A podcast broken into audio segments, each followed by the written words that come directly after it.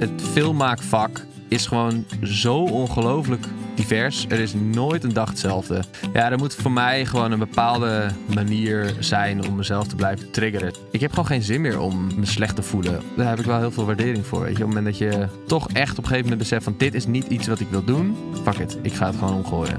Welkom bij Donkere Dagen, de podcast.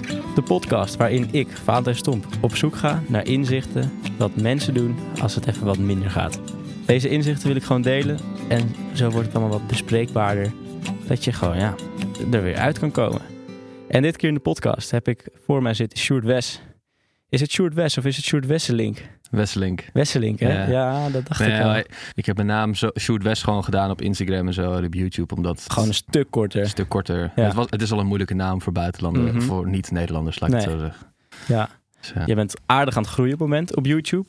Je bent een filmmaker en eigenlijk wel de Nederlandse Philip Bloem, maar je doet het wel in het Engels. Is dat een, eh, een naam die ik kan, kan noemen? Of is dat... eh, ik hoorde dat namelijk laatst in een clubhouse voorbij komen. Ja, dat is Sander Jansen geweest. ja, nee, dat, zo, zo, mag je me zeker noemen. Philip Bloem is echt wel eh, een grootheid op YouTube. En echt Mhm. een, een goede creator. ook. Ja. Wat hij, zeg maar, de, de informatie die hij overbrengt en hoe hij dat doet, is echt wel goed. Dus als ik daarmee vergeleken word, ja, top natuurlijk. Dan ben je helemaal blij. Ja, Ja, ja nice. zeker. Want jij bent, ja, je bent filmmaker, ja, YouTuber. Hoe lang heeft het geduurd voordat je je eenmaal filmmaker durfde te noemen? Nou ja, ik, ik durf het nu eigenlijk pas net, denk ik. Ehm, ik ben echt al sinds dat ik een jaar of 13 of 14 ben bezig met camera's. En ehm, ja, toen was het gewoon voor de lol, weet je. Ik, ik, ik filmde gewoon mijn vrienden die aan het skaten waren. En dat, daar maakten we gewoon korte edits van. En dat ging dan naar de skateshop en zo, weet je. Dat soort dingetjes. Maar daarna is het een hele tijd stil geweest. Heb ik meer gefocust op fotografie. En nu in de laatste drie, vier jaar, vier jaar ben ik er wel echt vol gas mee bezig. Gewoon echt elke dag bijna. Ja, En dat is eigenlijk ook een reden waarom ik dat YouTube-kanaal wilde starten. Om mezelf te pushen, om zeg maar, door te blijven gaan. Om te blijven maken en om te blijven creëren, zeg maar. En ja, in eerste instantie, weet je, je hoopt natuurlijk ergens wel dat dat YouTube-kanaal je ergens gaat brengen. Dat het iets gaat creëren voor je. Maar ja, je leest en je hoort ook overal dat het een onmogelijke route is, weet je wel. Dat het gewoon super moeilijk is om, eh, om er te komen. Waar dat dan Mhm. is. Ja, dat is ja waar dat dan ook naartoe zou maar- leiden. ja, dus nu, eh, nu gaat het inderdaad echt lekker. En dat, dat, dat, dat geeft wel echt een kick, moet ik zeggen. Het is gewoon super nice om zoveel mensen echt over de hele wereld te kunnen soort van benaderen, weet je wel. En Mhm. ook dat ik, hè, mijn content wordt gezien door jongens uit ja, Rusland, eh, United States, Ja, dat kan je Alaska. natuurlijk allemaal zien nu eh, Ja, met die analytics. De- Ja. Ga je daar goed op? Ja, ik ga er wel echt. Ja. Ja. weet je, het is gewoon vet. En al die gasten die, die reageren dan en die, die dan zeggen ze, weet je, van ah, vet, ik heb hier wat uit geleerd of van geleerd. En ik, eh, weet je, dan.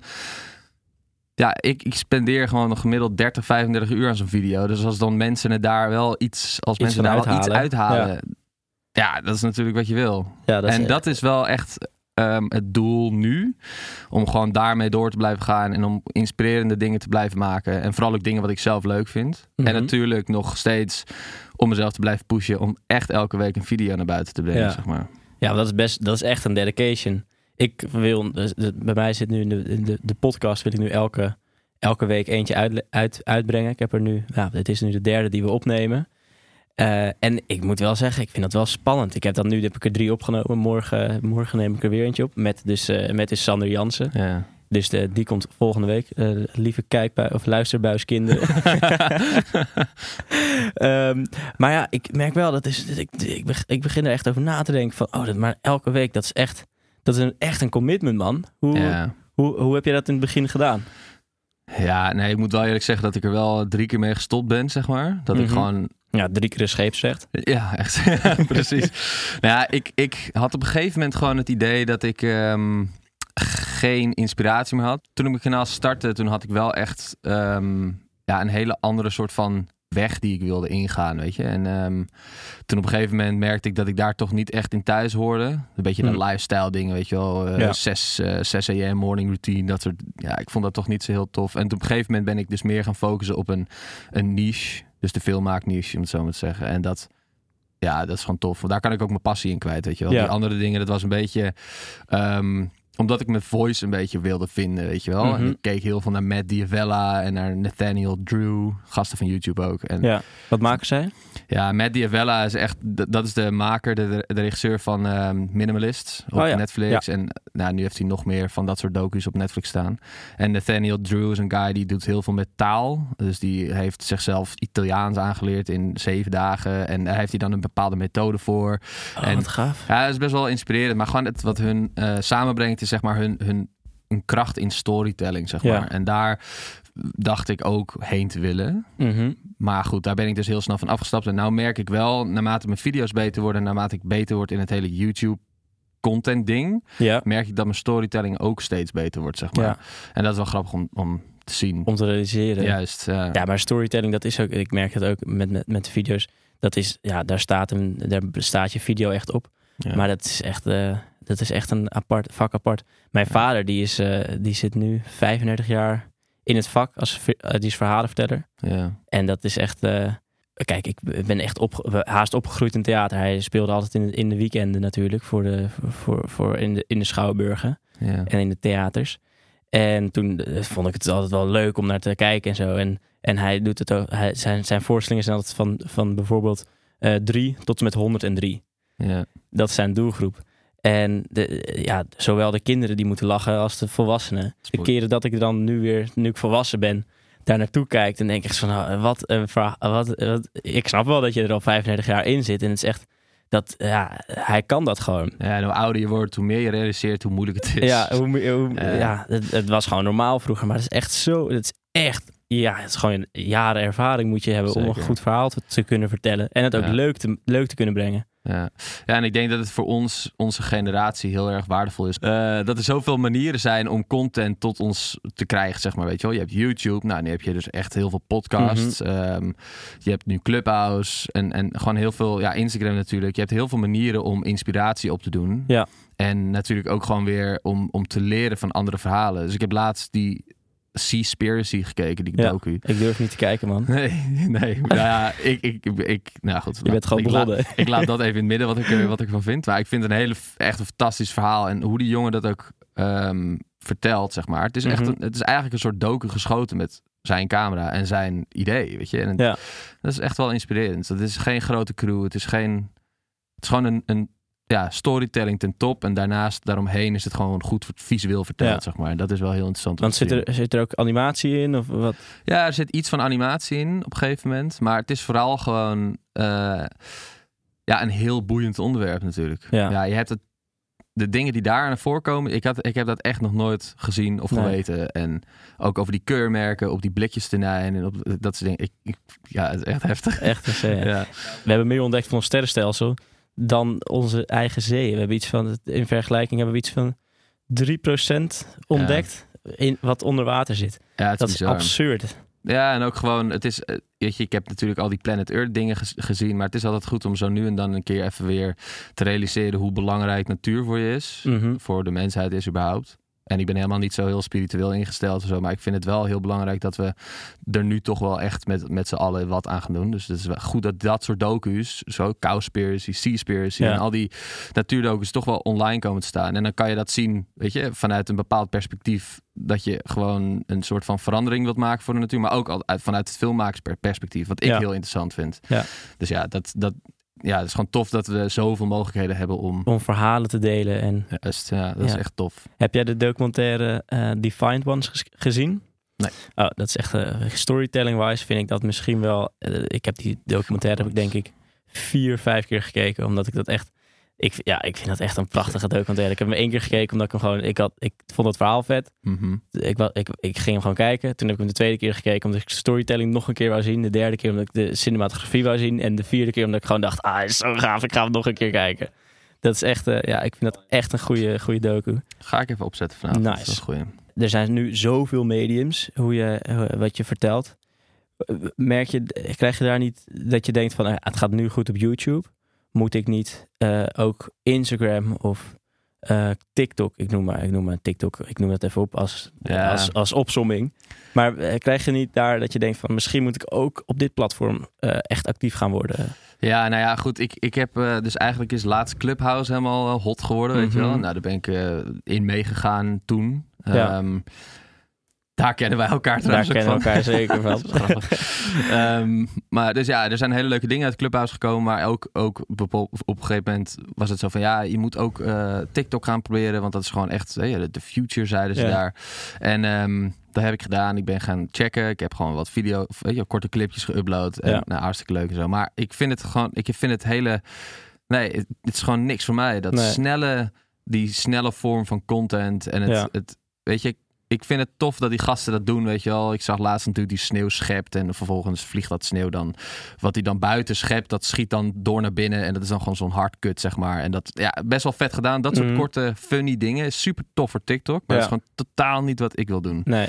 En ik heb het idee dat er heel veel, ja, toch wel behind the scenes dingen lekker gaan op TikTok en zo. Maar ik, ik, ik hou gewoon niet van nog een app erbij. Nee. Ik ben al echt aan het aan downscalen op Instagram, zeg maar. Om het zo goed mogelijk van mijn dagelijkse routine af te houden. Ja. Ehm, dus dan om TikTok daar dan ook bij te krijgen, dat, Dat is, dat is een brug te much, ver. ja. Ja. Nee, dus ik hou het gewoon lekker bij Instagram, Facebook en YouTube. En Facebook gebruik ik eigenlijk alleen maar om of in videomattie te zitten. of om te pushen, zeg maar, in van die groepen. Eh, voor mijn video's. En verder doe ik daar eigenlijk ook niks meer op. Ja. Instagram verder. Ik vind Instagram tof, omdat het ja, toch wel een soort van inspiratiebron is voor mij. En ook om... Ja, het is niet, niet meer heel erg verslavend inmiddels. Ja. Ik had het voorheen dat ik wel echt urenlang aan het scrollen was. Maar Ja. nu kan ik er toch wel makkelijker van af. Cool. Want hoe, hoe, waar haal je dan die inspiratie uit op Instagram? Hoe? Nou, ik volg sowieso gewoon dingen wat me interesseert. Dat is denk ik heel erg belangrijk. En eh, sorry voor alle vrienden die dit misschien gaan luisteren. Maar ik, eh, ja, als ik jullie ontvolgd heb, no, no hard feeling.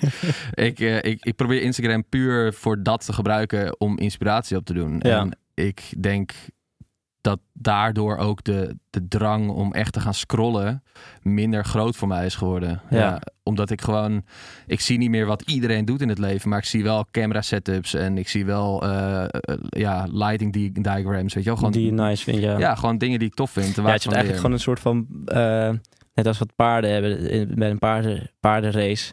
Die hebben gewoon oogkappen op. Dat ze alleen Juist. de weg voor hun zien. Ja. En niet wat, eh, wat, wat Ja. degene links of En rechts dat van doe ik met, in- want ik heb wel, ik ben best wel heel erg eh, verslavingsgevoelig qua digitale apps, zeg maar. Mhm. Gewoon bij, bij- weet je, ik, niet, ik sowieso niet voor, voor drank of, of voor roken of wat ook, maar gewoon voor Instagram of iets. Als er iets is wat mij triggert op die app, dan ben ik hooked, zeg maar. Ja.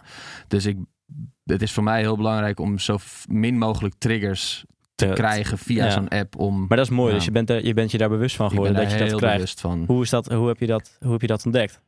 Ja, puur omdat ik gewoon. Ik werd gek van de, de, de, de tijd dat ik op die app zat. Ja? Dat, de, ik werd daar gewoon op een gegeven moment niet goed van. En ik heb ook tijdens de eerste lockdown. Of nou ja, lockdown. Ik mag het geen lockdown noemen. Maar tijdens de eerste golf, zeg maar, van Mhm. corona heb ik, heb ik een maand lang. Maart alle, 2020. Ja, maart 2020. Maart heb ik 20. Of, eh, nee, heb ik eh, mijn Instagram-account. En mijn Facebook-apps in ieder geval gewoon allemaal van Ja. mijn telefoon gegooid. En toen is gewoon een soort experiment gedaan van hoe gaat dit? Hoe voelt dit? Wat, wat Mhm. doet het met me en zo? En nou ja, de eerste zes, zeven dagen pakte ik gewoon elke tien minuten mijn telefoon, je telefoon op. en, dan, pak ik hem. openmaken en dan op de, op, de tik, op de plek tikken waar Instagram zat. en dan Ja. swipe ik gewoon even door mijn pa- pages heen met apps. En dan denk ik van, ah ja, wacht. Ah ja, er is wacht. helemaal geen reet te doen op die app, op die Wat is telefoon. deze telefoon dan? Ja, dan doe ik hem weg. Kan En, een ook halen. ja, ja. Maar toen besefte ik wel van, goh, ik, ik, daar zit toch wel echt een verslaving Echt, in, weet je wel. En toen, eigenlijk sinds dat moment, ben ik me er meer bewust van geworden. En toen heb ik, me, heb ik bijvoorbeeld mijn ehm, schermtijd aangezet. Eh, Mhm. Dat ik ook echt daadwerkelijk meldingen krijg van... Joh, je zit nu al langer dan vier uur of wat dan ook op je telefoon. En eh, dat ik een timer op mijn Instagram heb gezet... Ja. die ik altijd eh, negeerde. Maar het was Mhm. gewoon wel even zo'n Dat je er bewust van bent. van... ja. ah, ik zit nou al 30 Op hoeveel minuten minuten heb je die timer op Instagram staan? 30 minuten. 30 minuten. Ik heb hem op 50 minuten staan. Ja. En ik had vorig jaar was ik echt, dan zat ik echt, mocht ik van mezelf maximaal een uur per dag op Instagram zitten. En dat is er echt ingeslopen, want ik keek laatst en ik zat, ik heb die vij- 50 minuten timer. En ik had de regel 1, 1 uur Instagram per dag en ik keek laatst en ik schrok anderhalf uur. Ja. Dat is echt weer ingeslopen. En ik zat Ja. zo, oh mijn, ik was, ik, ik, ja. En tuurlijk, er was al een, altijd al een stemmetje in je hoofd, ja, die 50 minuten timer gaat nu af. En dan dacht ik altijd gewoon standaard, dat, dan ging hij bijvoorbeeld eh, om eh, rond etenstijd ging, die- ging die timer af. En dan dacht ik rond etenstijd, nou oké, ik kan dan nog wel 10 minuten Instagram voordat ik ga slapen, zeg maar, collectief dan die 10 minuten halen. Nou, dat was dus gewoon standaard een half uur. Ja, als je eenmaal gaat, dan ga je, weet je wel. Dat is het gevaar. Ja, Dat is gewoon het, nou, het gevaar. Het is gewoon niet relaxed, vind ik persoonlijk. nee. Want hoe voel je je, zeg maar, als je, eh, heb, haal je die timers? Nou, nu, nu haal ik die timers eh, ook omdat ik nu veel, echt veel dingen, veel andere dingen aan het doen ben. Ja, Maar bijvoorbeeld tijdens die eerste golf was er gewoon, toen viel ook echt al mijn werk weg, weet je wel. Ja. Dat ik ook echt geen, eh, geen klussen meer, ik had geen inspiratie voor YouTube. Ik had geen, ja, nou ja, gewoon eigenlijk gewoon geen, eh, geen reet te doen. geen reet te doen. Ja, dus ik, ik, ik, dan ga je automatisch gewoon Scrollen. scrollen en je gaat je proberen te vermaken. En gelukkig sportte ik toen wel extreem veel. Dus ik was elke dag bezig en ik was elke dag iets aan het doen. Want toen waren die gyms en zo nog open. Mhm. Dus dat was heel fijn. En ook buiten, ja, het was toen gewoon ook lekker weer, weet je wel, rond die tijd. Dus dat was heel fijn. Maar de momenten dat ik thuis was, was ik toch wel veel aan het Instagram. Ja, Ja, ja dus daar kwam dat eigenlijk vandaan, weet je, die, die drang om een soort van verandering te willen. En dat heb ik, dat heb ik eigenlijk tot nu doorgetrokken. Ja. En wat nog beter voor mij werkt, is dat ik eigenlijk vanaf 1 januari, ik had gewoon één New Year's resolution, weet je wel. Mhm. En dat is mijn telefoon niet meer mee mijn slaapkamer in. En eh, ik ga om half tien naar bed. Ga Ja. ik lezen, even chillen. En ehm, dat is iets wat ik eigenlijk ook nooit kon, lezen. Kon niet. Ik, had geen, ik heb geen rust daarvoor. Ik was altijd bezig in mijn hoofd. Maar nu, omdat ik dus die telefoon niet meer meeneem en ik sluit het dan af, omdat Ja. dat ding in de woonkamer blijft liggen, heb ik gewoon, ik weet niet wat het is, maar ergens heb ik gewoon een soort van, ja, creëer dat rust, waardoor ik wel kan lezen. Ja, het is heel vaak, misschien als je dit nu luistert, denk je van, ja, joh, maar het is, het, het, het is een soort mentaal dingetje of zo. Ja, Er zit gewoon een dingetje in je hoofd dat je denkt van... oké, ik kan nu niet grijpen naar, dit, naar die telefoon. exact. Als ik dat wil, kan ik een boek lezen of kan ik hem chillen. Ja, en, En dan kijk, wordt het dan makkelijker. Of, eerst had ik dat ik een boek ging lezen en dat die telefoon ernaast lag, weet je wel. En dan, ja.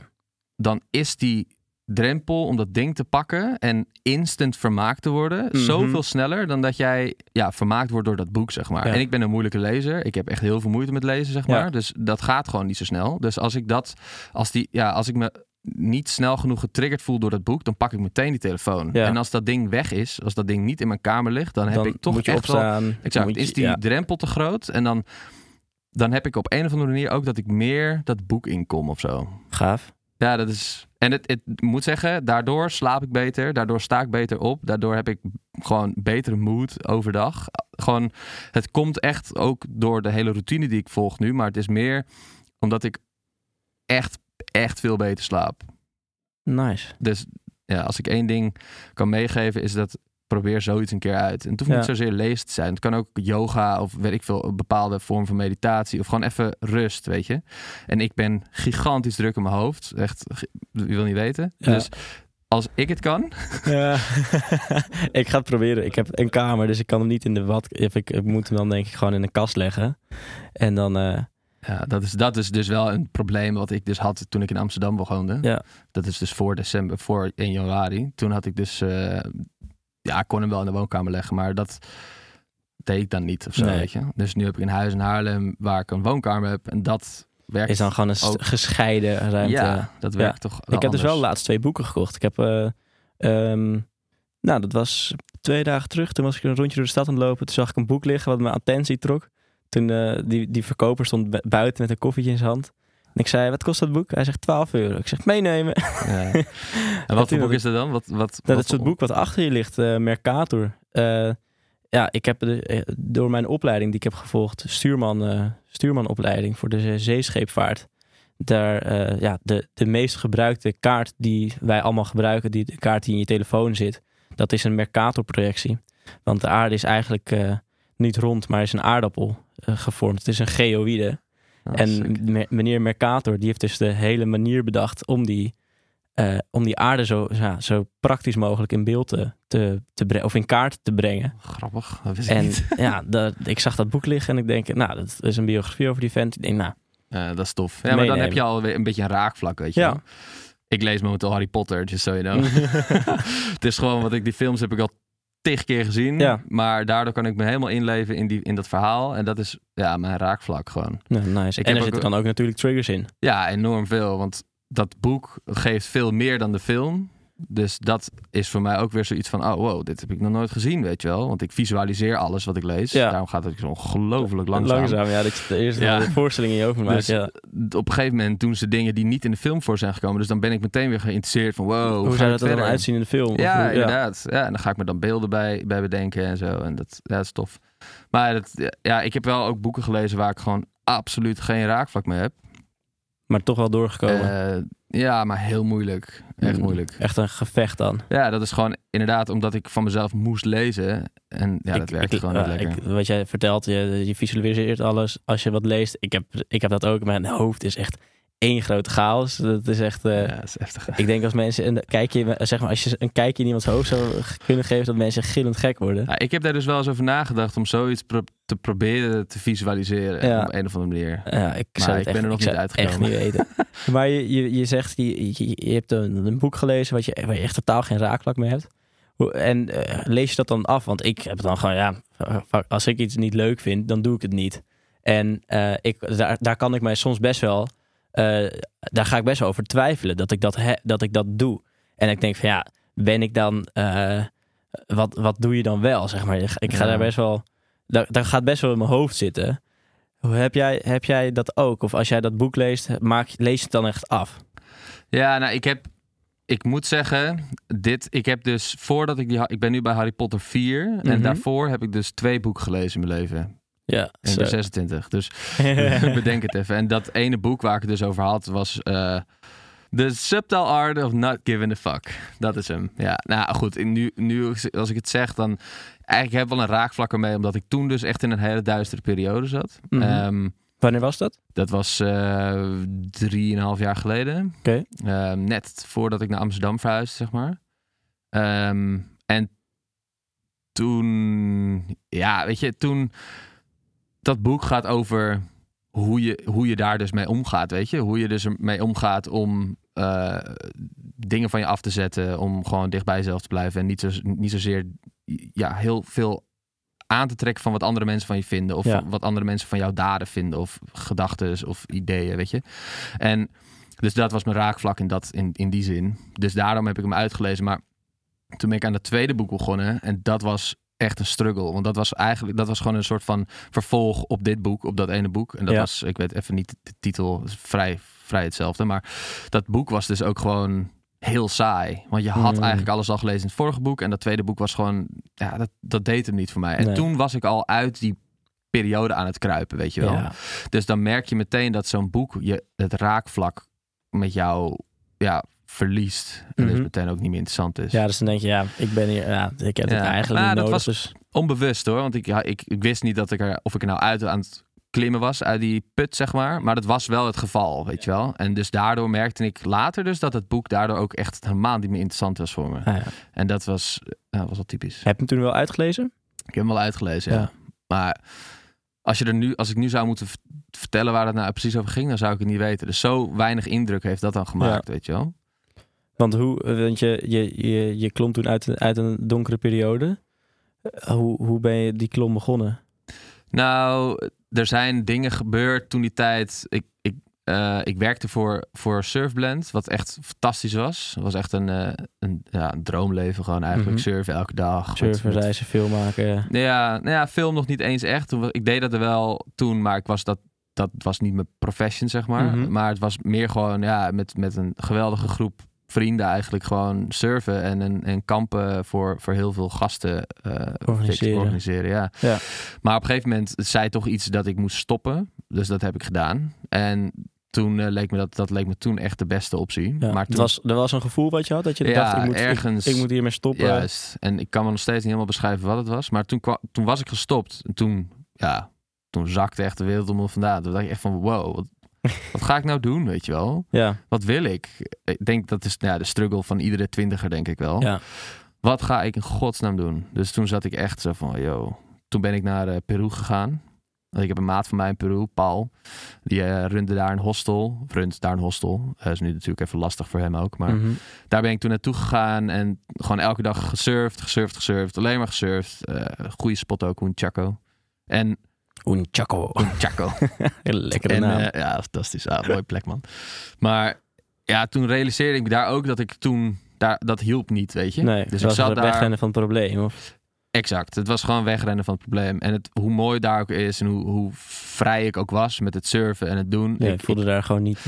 nee, dus ik heb mijn ticket op een gegeven moment omgeboekt. Terug naar Nederland gegaan. Nou, ook er nog, nog voor mijn gevoel nog dieper in de put Ja. gezeten. Weet ja, je want dan ben je in één keer terug in Nederland. Ja. Kloten weer eh, Toen, helemaal naar. Ja, dan krijg je meteen weer een klap van, nou, ja, weet je, welkom, welkom. in Nederland. Je moet Ja. huur betalen. Welkom dit. Ja, wat ga je nu doen, weet je Ja. wel? En toen ben ik eh, toch naar, naar, de, naar de huisarts gegaan, met de praktijkbegeleider gesproken. En toen, nou ja, dat heeft wel heel veel geholpen eigenlijk. Dus dat is ook wel iets wat ik mee wil geven. Dat als je dat eng vindt, weet je, het is ook eng, het is spannend. Maar ga Mhm. gewoon met iemand praten. Als jij Ja. denkt dat, dat, dat je niet goed in je vel zit, ja, zet je pride even aan de kant en ga even echt met iemand spreken, weet Ja. je. En het maakt niet uit of het nou echt een psycholoog is, of een praktijkbegeleider, of gewoon iemand die Gewoon een goede vriend kan al helpen vaak. of- ja, maar vooral wat ik fijn vond, is gewoon iemand die jou niet kent en die niet op geen enkele mogelijke manier judged, zeg Ja. maar.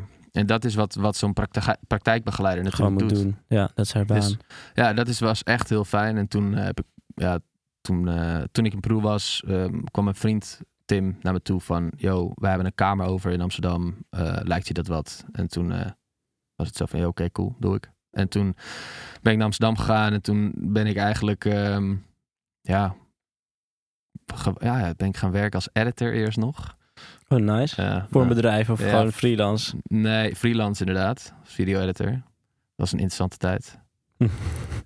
maar ehm, Ja. ja, nu wordt het duimpje naar beneden gedaan. ja, dat was niet echt het leukste. dat was, nee. Ja, Dat, nee, dat was niks. Nee. Dus hoe lang toen heb je dat gedaan? Zeven maanden. Zo, dat is dan Ja. nog wel een tijd. Ja, maar dat, dat is wel een proces voordat je dan Ja. Maar tijdens, durft, tijdens dat, nee te zeggen. Exact. En tijdens dat proces ben ik wel constant op zoek geweest. Ja. Constant ook m- m- m- ja, mijn netwerk vergroten, weet Mhm. je. Eh, ja, constant bezig geweest. En dat heeft me wel geholpen om uiteindelijk ook eh, ja, een klusje als PA te krijgen, weet je wel. En toen gewoon lekker op set gaan werken. En toen besefte ik van, joh, dit is zo chill. Die vrijheid en de mensen, weet je wel. Alleen maar creatieve gasten om me heen. En, Iedereen gunt elkaar wat, ja, dus uiteindelijk. dat was heel tof. En dat was een speelfilm. Meest case was dat. Nou, het lachen. En daarna ben ik alleen maar commercials gaan doen. Ja. En dat, dat ben ik nu nog steeds aan het doen. Ja. Dus dat vind ik echt tof. Maar ja, ondertussen dus mezelf aan het soort van profileren als eh, camera, weet je, als, als cinematographer of in ieder geval proberen een beetje het, het AC op te pakken en het PA iets achter me te laten. En PA, voor de mensen die niet in het, eh, in het filmvak zijn. AC is assistant camera. Dus dan sta je eigenlijk naast de cameraman. En dan ja, doe je, zorg je dat de camera goed kan filmen. Het eh, zijn vaak, als je AC bent, dan zijn het vaak wat grotere camera's. Dus daar zitten dan ja, eigenlijk allemaal toevoegingen aan. Zoals een focusmotor, een draadloos afkijksysteem. eh, ja, best wel wat dingen. En die moeten gewoon werken. En dat is dan de taak van AC, dat dat goed werkt en goed draait. En PA is eh, personal assistant. En dat, eh, ja. Nee? Wacht, PA. eh, Production assistant. production assistant. ja, het is, Wacht. het is dubbel wel. Ja. Alleen in de film is PA production assistant. En in, in, je hebt natuurlijk inderdaad in eigenlijk alle andere vormen is een PA een Zie je wel, dan zit ik het gewoon fout te zeggen. Wat een mooi, ja. Dan gaan we er wel Nee, in laten. production assistant. Dus dat is, ehm, ja, je helpt dan eigenlijk, je bent gewoon een soort van vliegende keep op het set. Je helpt waar nodig. En ehm, ja, dat is super tof, weet je. Want je, bent, je ziet alles. Je hebt denk ik echt de, de eerste rang op de, op, de, op de filmset, omdat je toch relatief veel tijd hebt vaak. Ja. Een AC is bijvoorbeeld constant bezig. Eh, die, is, ja, die moet constant gefocust zijn. Als PA heb je heel vaak downtime. Dus je kan Ja. heel goed, als dat jouw passie is, Kan je met iedereen afkijken. praten. En, Juist. Ja, ja. praten met iedereen, afkijken bij de gaffer, wat hij nou doet. Waarom zet hij die, die, weet je, die 9 kW daar neer, wat dan ook. Weet je. Het, is, het, het is super interessant. En daar heb ik dus ook echt ja, drie jaar lang gewoon keihard eh aan gewerkt. Gewoon constant alles afkijken. Ik heb echt notes gemaakt in mijn telefoon, Oh, foto's gemaakt. Echt, ik heb daar echt ziek veel van geleerd. Dat is mooi, hè?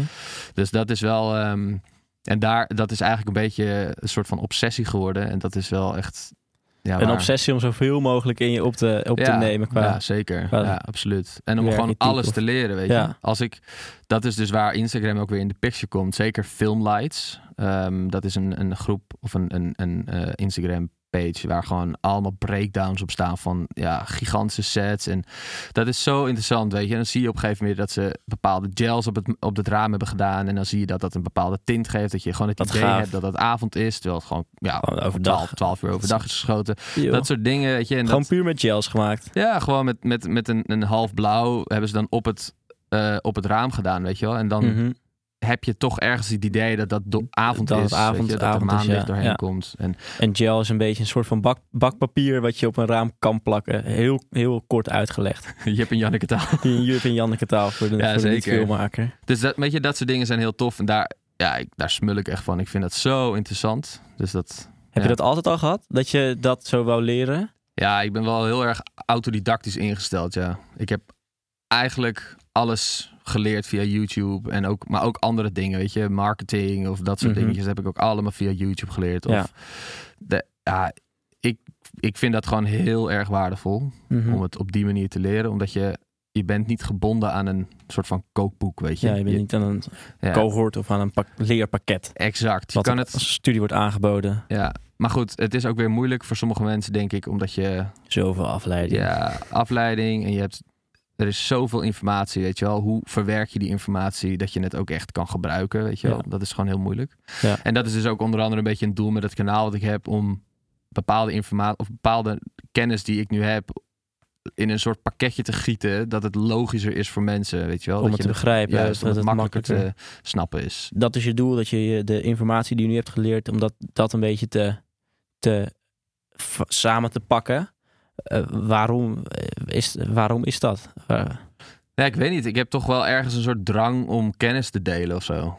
Ja. Ik vind het wel interessant, weet je, om gewoon mensen, ja, om gewoon mijn kennis die ik van iets heb te delen. Ik heb, ik heb het SEALS gedaan, een sport- en beweegopleiding. En daar stond dat ze super centraal Ja. lesgeven. En, ehm, ja, dat is, het, dat is het, het, het, de core ja, van de je core- vak. ja, zeker. Dus ik, ik ben altijd wel echt een lesgever geweest, weet je. En ik vond het ook onwijs tof om dat te doen, om mensen aan te sturen, om mensen te, weet je, iets nieuws te leren of op een bepaalde, weet je, op een, een didactische manier iets aan te leren, dat het gewoon makkelijk is voor iemand om, om te begrijpen, weet je. En dat, dat ik merk dat dat heel erg ehm, meewerkt in die YouTube-video's.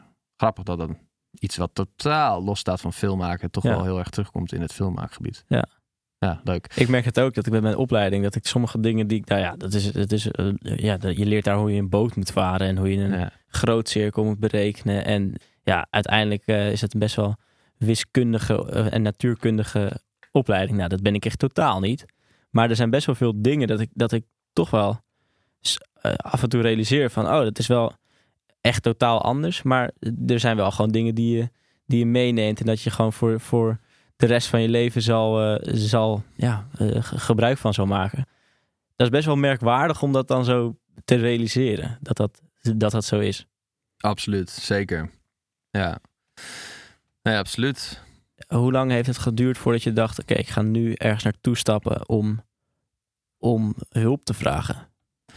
Nou ja, dat best wel lang eigenlijk. Want eh, ik struggelde daar dus eigenlijk al tijdens de zomer mee, toen ik nog in Frankrijk zat. Eh, omdat ik toen in, in, in mijn gedachten had dat ik wilde gaan stoppen. Zeg maar. En ja, ik had toen het idee van oké, ik ga je stoppen. En dan geef ik ook gewoon echt een gigantische groep met vrienden op, weet je wel.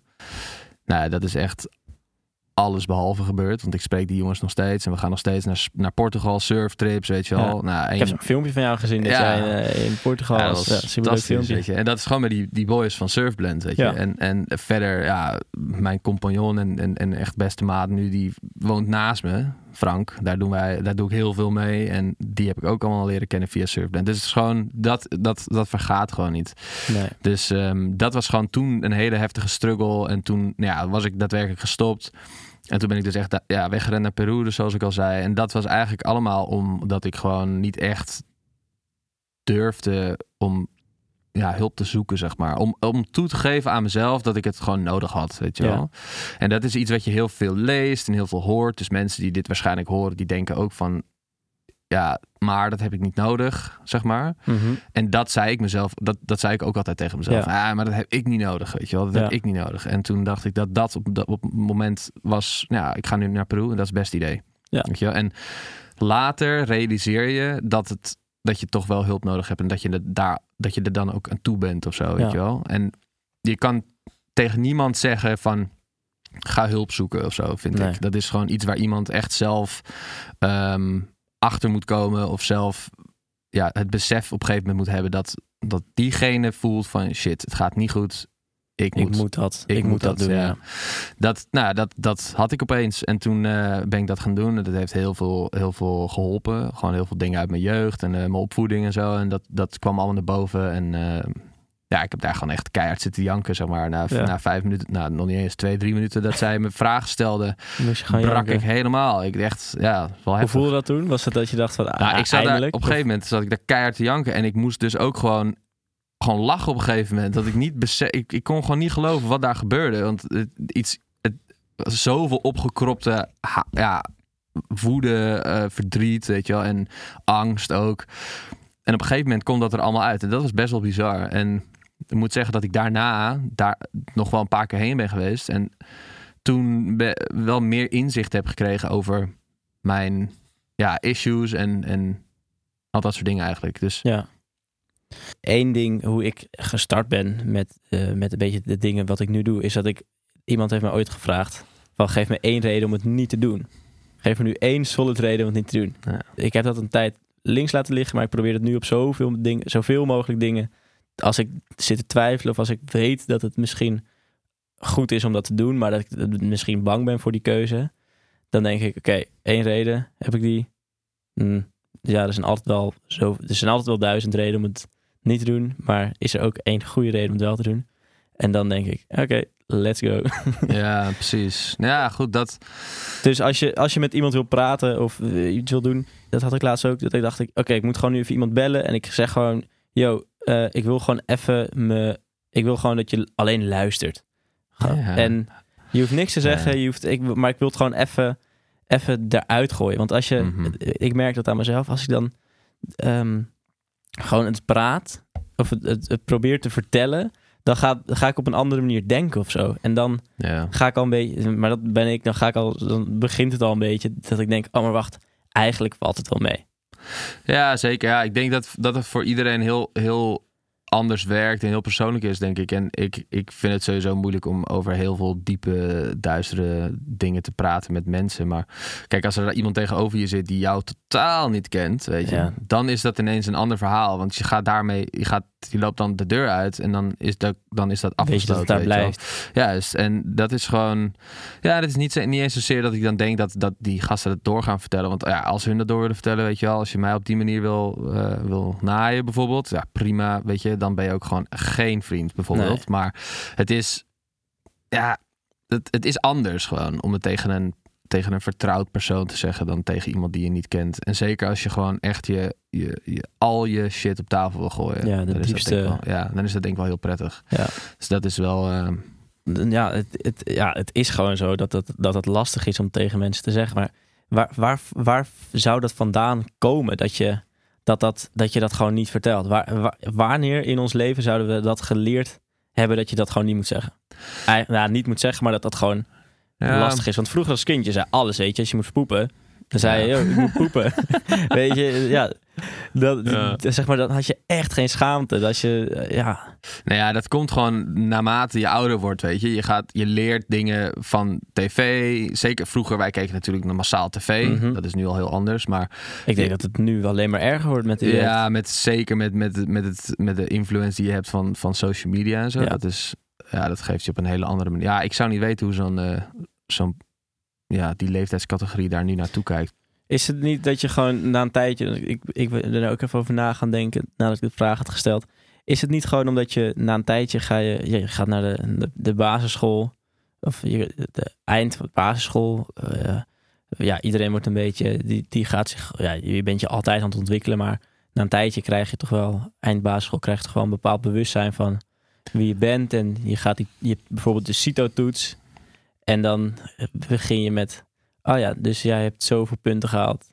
En je hebt zoveel punten gehaald. Ik, als ik terugkijk naar mezelf, dan denk ik dat het een beetje vanaf daar misschien gekomen is. Ja, het, is, het heeft uiteindelijk denk allemaal te maken met dat je jezelf vergelijkt met anderen. En dat jij op een gegeven moment beseft dat een, iemand anders het beter doet. Dus hetgeen wat jij hebt behaald is niet goed genoeg. Dus dat wil je niet naar buiten brengen bijvoorbeeld. Weet je? En misschien is het gewoon, ook als je met struggles zit, dat je, dat je gewoon het idee hebt van jouw leeftijdsgenoten of mensen waar jij naar opkijkt. Die zien er allemaal hartstikke blij en happy uit. En jij voelt jezelf ongelukkig. Ehm, maar dat klopt niet, want hun hebben dat ook niet. Dus beter stop je het weg. Ja. Zo, misschien werkt dat op die manier. Ik zou het niet echt weten hoe dat nou echt psychisch is. Of weet je, hoe dat gaat van binnen. Maar dat is een beetje hoe het denk ik gaat. En dat is natuurlijk nu nog heftiger. Want Ja, je Instagram, loopt je elke seconde van de dag eh, eh, te vergelijken met anderen, weet je wel. Denk van, oh wow, diegene is daar, vet mooi. En ik zit hier. Ja. Weet je wel? Ja, ja, ja, ja, zo, zo, Ja. maar goed, op het moment merk ik ook wel weer... als je daar nou echt bewust van bent... dan is het ook wel minder schadelijk, denk ik. Ja, je moet, dat, maar dat is eigenlijk,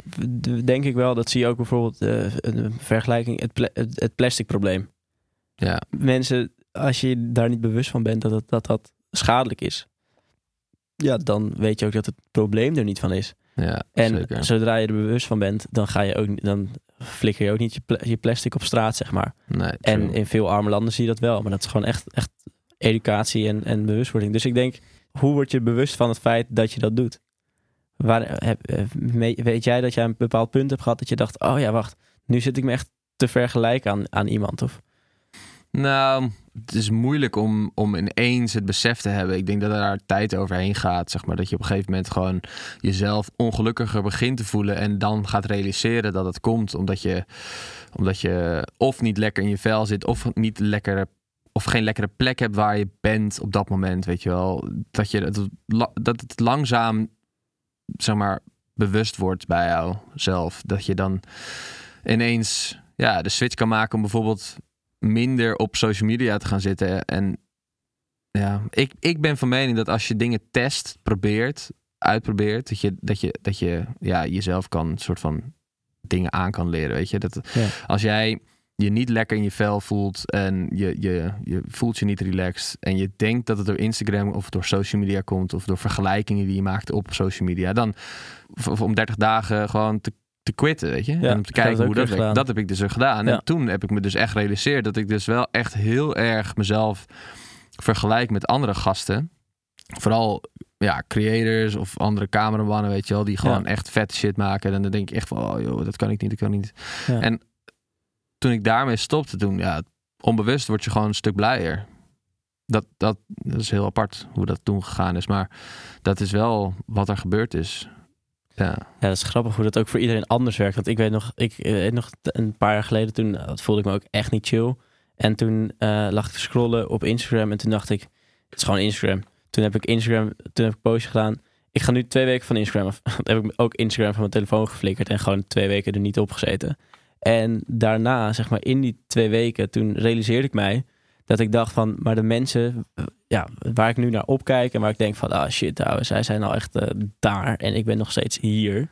Eh, die hebben ongetwijfeld ook precies hetzelfde.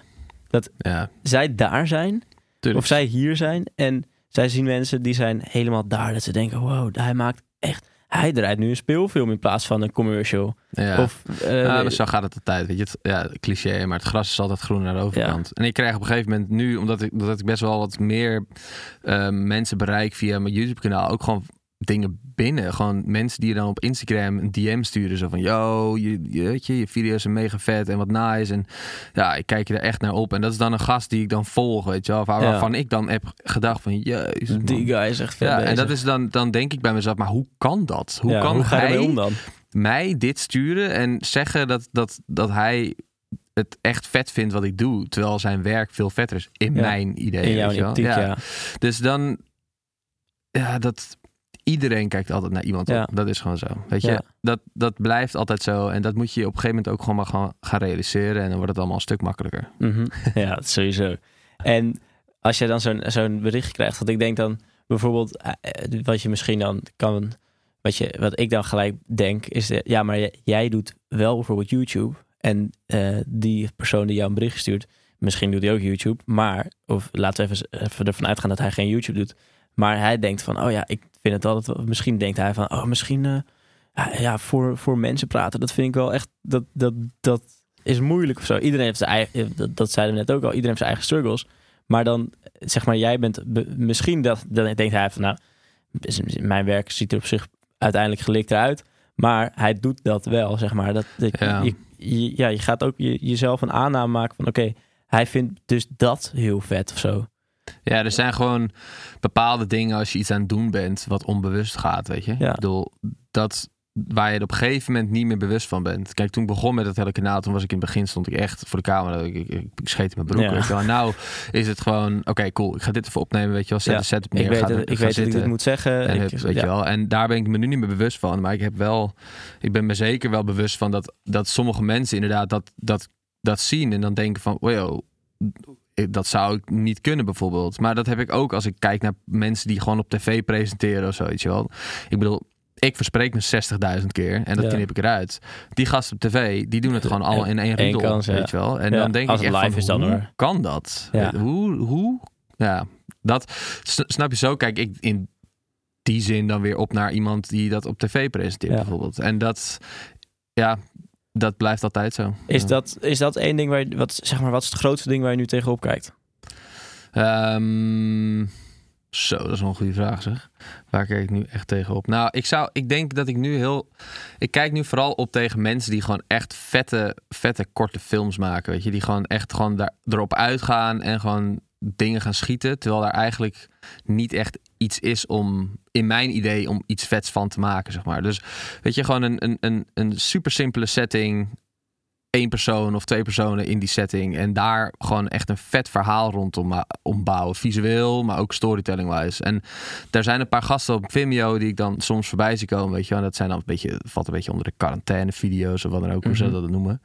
Zo sick, weet je. Zo vet hoe ze dat doen en hoe ze dat maken. En dan da- daar kijk ik wel echt tegen op. Gewoon van iets wat iets simpels, echt iets vets maken. En ik denk eigenlijk wel dat die hele coronaperiode daar wel flink voor gezorgd heeft. Omdat mensen gewoon thuis zitten. Zeker in andere Ja. landen. Zijn we in Nederland mogen natuurlijk gewoon bijna nog steeds alles. Maar Even op ons handjes klappen, ja. Alleen ja, zeker. Maar in, in, Op dit in, moment. in Peru bijvoorbeeld, of in de US, zitten mensen gewoon thuis en die mogen gewoon niet weg. Weet je Ja. wel? En dat, daar zijn wel echt hele vette video's van, van, van gekomen. En daar is, dat is wel iets waar ik echt naar opkijk. Van hoe, hoe bedenk je het om zoiets te kunnen creëren? Ja. Weet je wel? Uit zo weinig, zoveel halen. Ja. En in, daar, daar kijk ik wel echt naar op. En ja, weet je, ik kan ook zeggen dat ik opkijk naar gasten met een miljoen subscribers, maar dat is super, dat, dat stelt niks voor, weet je. Nee. Want dat is ook niet echt waar ik nou echt keihard aan aan het doelen ben.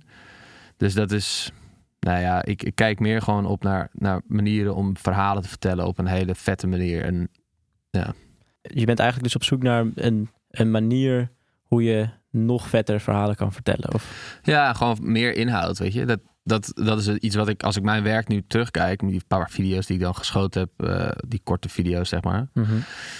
ik vind zelf dat er best wel wat, wat, wat diepgang in mist, weet je. En daar probeer ik nu wel echt ehm, meer van te leren, maar ook gewoon meer op te winnen. En ik probeer wat meer te connecten met bepaalde regisseurs, Ja. regisseuses. Ehm, en dat, dat lukt nu ook wel. Sophie, dat is een, eh, een regisseur. Dan gaan we samen een soort van korte film draaien voor de NPO. Voor de NPO Plus is dat volgens mij. Oh nee, gewoon een gaaf. korte, korte docu. Ja, dat is echt heel tof. Heel vet. vanmiddag een, eh, een, een meeting mee. En, maar dat is wel tof. Die, die, zij benaderden mij dan daarvoor. En dan dat denk ik wel van ja, dit is wel heel tof. Weet je. Want ik zou liever heel veel video's willen schieten. Wat echt vette dingen, weet je wel. Maar samen maak je gewoon altijd betere dingen. Sowieso. Heb ik het idee. En dat is dus wat ik met Frank bijvoorbeeld ook heel erg heb. Als hij erbij is, dan, dan, ja, dan hij komt met bepaalde ideeën die waar ik gewoon op dat moment echt niet aan denk. Nee. En op dat moment is dat wel nodig, want dat maakt die video gewoon beter. En Ja, dat is echt een groot verschil. Want dan is gewoon even dat je een gedachte die je kan hebben. Ja, dat zei ik net ook al. Van als je zodra je iets uitspreekt, dan is, komt het al vaker de ander, of bij mij komt het dan vaker anders uit dan dat het in mijn hoofd zat. En dan spreek je dat zo uit. En dan kan je even dat pingpong, even Ja, die gedachten ja. eh, gewoon alles heen en weer gooien.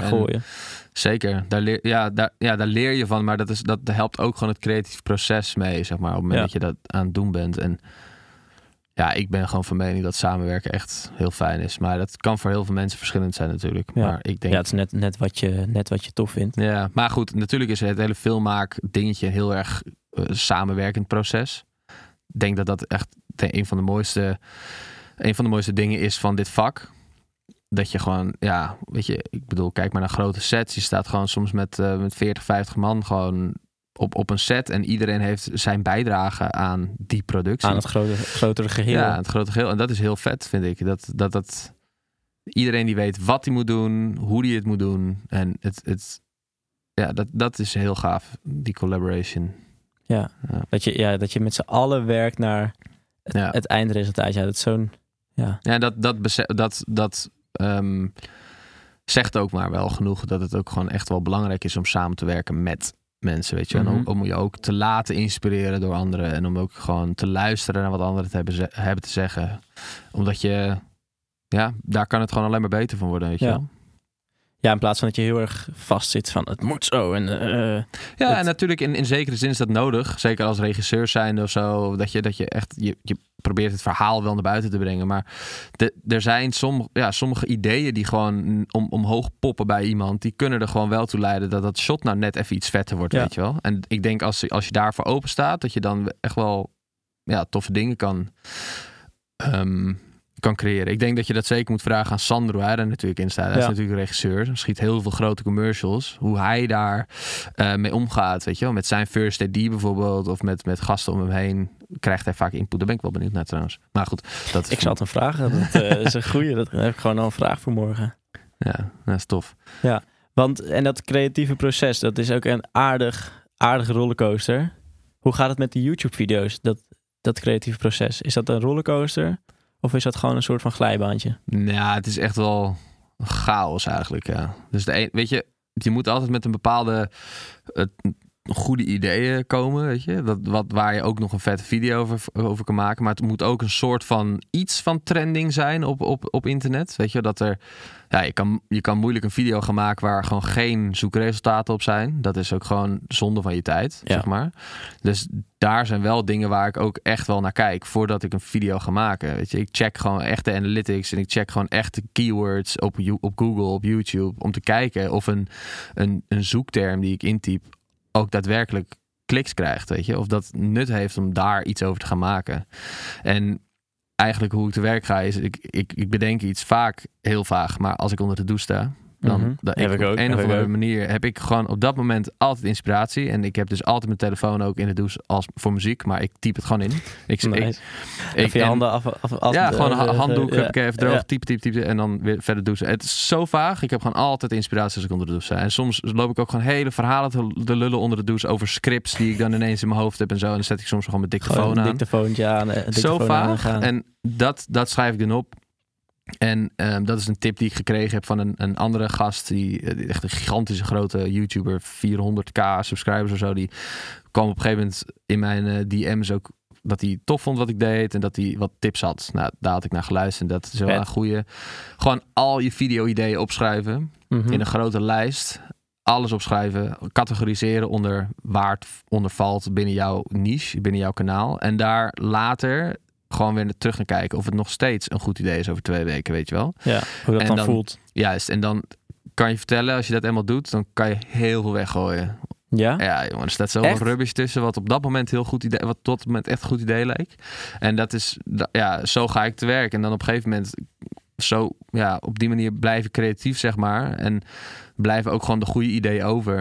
En als ik dan eenmaal aan de video begin, dan, dan, ja, dan, dan borrelt dat allemaal wel op, weet je. Dan ga ik gewoon een script schrijven wat ik ga zeggen in de camera. En dan op een gegeven moment, dat, dat komt allemaal automatisch. Script je alles wat je gaat zeggen op de Ja, camera? Alles. Alles, ja. Alles. Ja, want ik, als je dat niet doet, dan, ga je, dan heb je echt duizenden ums. Gewoon, eh, weet je wel. En ja, dat en dan moet je voor de camera zitten en bedenken wat je nu de volgende Ja, zin gaat zeggen. Ja, dat dan, moet je, werkt dan ga je, kan je niet nadenken Nee. of zo. dus ik Dat is toch schrijf wel het grappig op. hoe dat werkt voor die camera, hè?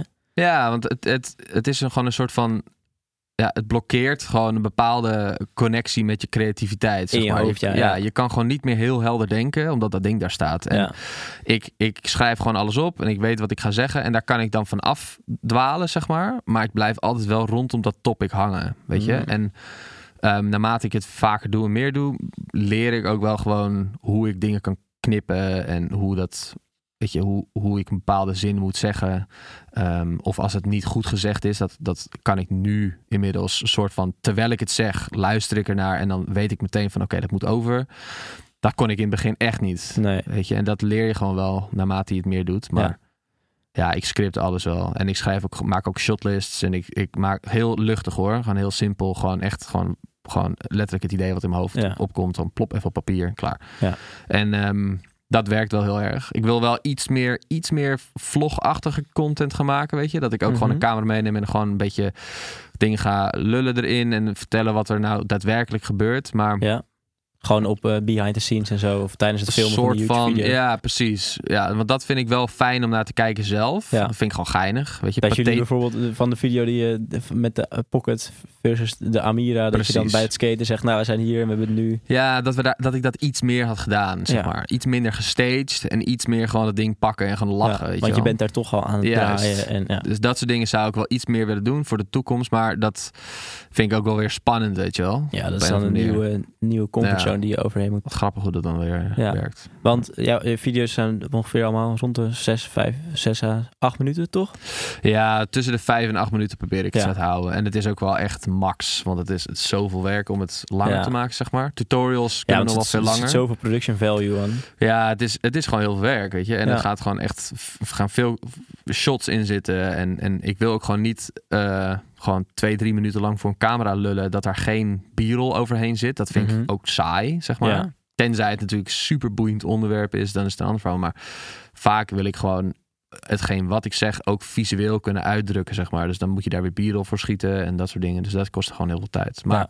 het is wel heel leuk, weet je, om dat, om dat op die manier te doen. En ik merk ook dat mensen dat waarderen, dus Ja, dat is nice. ja, dat is top. Want ik, of althans, ik ben onder de impressie, of ik heb een keer gehoord ergens dat je, als je video's 20 minuten zijn, dat dat een beetje de holy grail is van videolengte.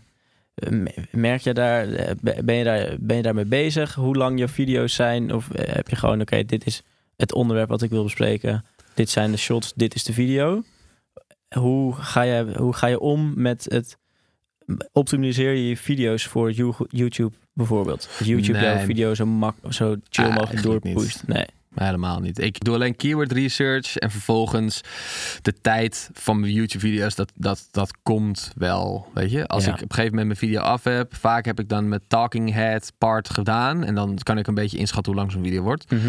Ehm, ik probeer hem altijd wel gewoon rond de vijf te houden, maar dat wordt het eigenlijk toch altijd al. Ja. Ehm, kijk, voor heel veel mensen is het interessant omdat je na, na acht minuten meerdere reclameblokken in je video kan knallen, waardoor je dus Mm. meer geld verdient per ja, video. meer AdSense. Ja, dus dat, dat zou een reden voor heel veel kunnen zijn. Maar ja, ik heb geen zin om dingen uit te melken, weet je wel. Nee. En dat, het komt wel. Het, weet je, ik, ik zie het ook gewoon als een journey, weet je wel. Ik, ik leer gaandeweg over dat hele algoritme en over de hele manier hoe YouTube werkt. En ook als ik bijvoorbeeld wel iets meer vlogachtige video's ga, ga schieten met een goede inhoud, dan, ja, dan kan die video makkelijk acht minuten Ja, dan plus wordt het zijn. veel langer. Maar als het maar leuk blijft of interessant blijft om Ja. te kijken. Nu zijn die video's kort en krachtig. En dat wil ik eigenlijk wel behouden, weet je. Hoe voelt dat proces nu? Geniet je ervan? Of is het juist eh, is het spannend aan het worden? Dat je denkt Nou van... ja, nou, ik ben gewoon standaard op maandag zenuwachtig. Gewoon. En het, dat, dat slaat eigenlijk helemaal nergens op. Gewoon omdat ik die video post, ben ik zenuwachtig op een of andere manier. Omdat ik hoop dat hij gewoon iets iets presteert. gaat doen. En dat is echt apart, man. Want ik, ik heb dat eigenlijk pas sinds die video van die Pocket die ik online heb gegooid, die dan echt goed ging. Dat was gewoon echt, eh, nou, dat ging toen een wereld voor me open. dacht ik echt van, wow, wat is dit vet, weet je wel. Ja. En ja, ik weet nog wel. Toen ging ik op een, op een laptop van iemand anders... ging ik even pok- deed ik de Pocket 6K. Toen stond je gewoon tweede of zo. ja, Dat was nice. Ja, dat is bizar. En dat, toen heb ik wel echt gemerkt van... jeetje, wat is dit een vet, vet gevoel... om gewoon een video te kunnen maken die zoveel bekeken wordt, weet je wel. Die zoveel bereik heeft. Op hoeveel staat hij nu? Volgens mij bijna 60.000 views. What? Ja, dat is echt sick veel. Als deze podcast... Ik, ik zou echt niet... ja, Stel deze podcast Ja, daarom. 60.000 Snap keer bekeken of Dat- beluisterd worden... dan zou ik echt... Oh ja, dat zou ik echt... Want het Hoe besef, voelt dat? Want dat is raar, man. Dat er dan... ja, als ik dat is gewoon dat je ben- gewoon 30 uur ermee bezig bent geweest, weet je wel. En echt in korte tijd. Ik kreeg hem vrijdag binnen en maandag stond die video online. Omdat het, ja, het was een trending ding. Ja, dus dat dat is een ik snel eh, online topic. Dus ik heb daar gewoon het weekend gewoon zoveel aan gewerkt. En Ja. zo hard aan gewerkt. En dan om dat te zien dat mensen het tof vinden, dat is gewoon nice, weet je. Ja. Even En- voor de mensen thuis. De Pocket is een, eh, is een, eh, gewoon een camera. Dat, eh, ja.